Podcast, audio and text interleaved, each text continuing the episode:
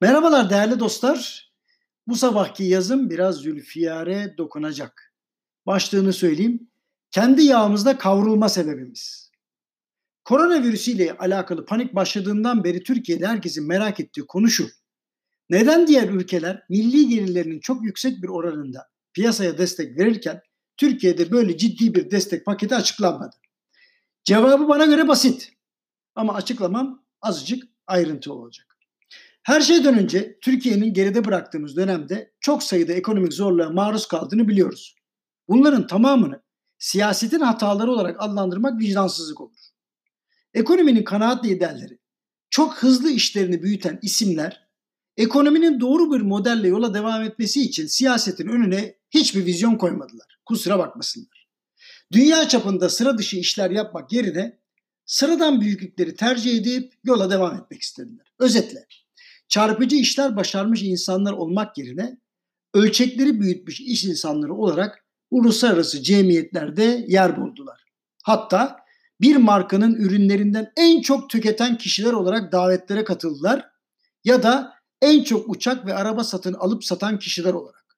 Yani Türkiye'de iktidar olmuş her lider ve ekibi işte Türk insanının birbirini kıran bu anlamsız rekabetini ve gösteriş merakının farkına varmış ve onları oyalamanın yolunu her zaman bulmuştur.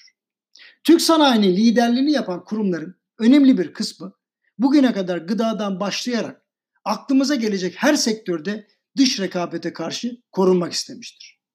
Yabancı rakiplerine karşı korunmak için yüksek ithalat vergileri istemenin ötesinde sektörlerinde oligopol bir yapıyı bile kabul etmeyip tek alıcı ve tek satıcı olmayı amaçlamışlardır.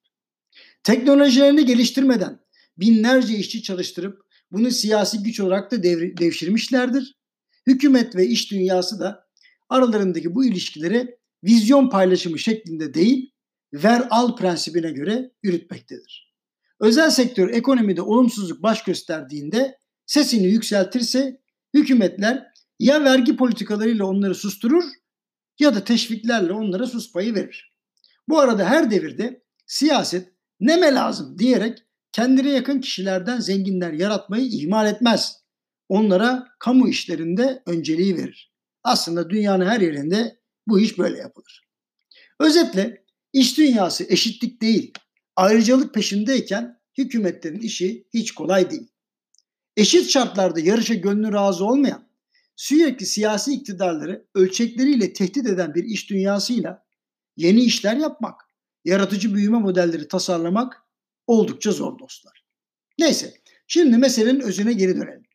Hatırı sayılır tecrübeye sahip piyasa aktörlerini dinledikçe merkez bankalarının ve hükümetlerin devasa paketlerinin sayesinde önünde sonunda hisse senetlerinin, tahvillerin, altın gibi kıymetli madenlerin nihayetinde en son ama petrolün de yükselteceğini öngörebiliyoruz. Yani merak etmeyin önünde sonunda her şey yükselecek. O geçen gün yaşanan türbülansa bakmayın. Buradan hareketle bu paranın bir kısmının Türkiye'ye gelebileceğini, hisse senetlerini hareketlendireceğini, hatta yabancı firmaların tedarik konusunda alınan ders çerçevesinde üretimlerinin bir kısmını da Türkiye'ye kaydırabileceklerini öngören siyaset cephesi dışarıdan borç almadan ve pek de fazla panik yapmadan bu işin üstesinden geleceğini düşünüyor diyebilirim.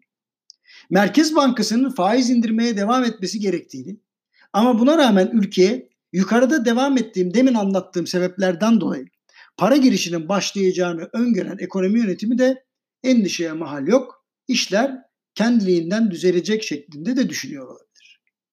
Elbette bunları şu senaryo çerçevesinde söylüyorum.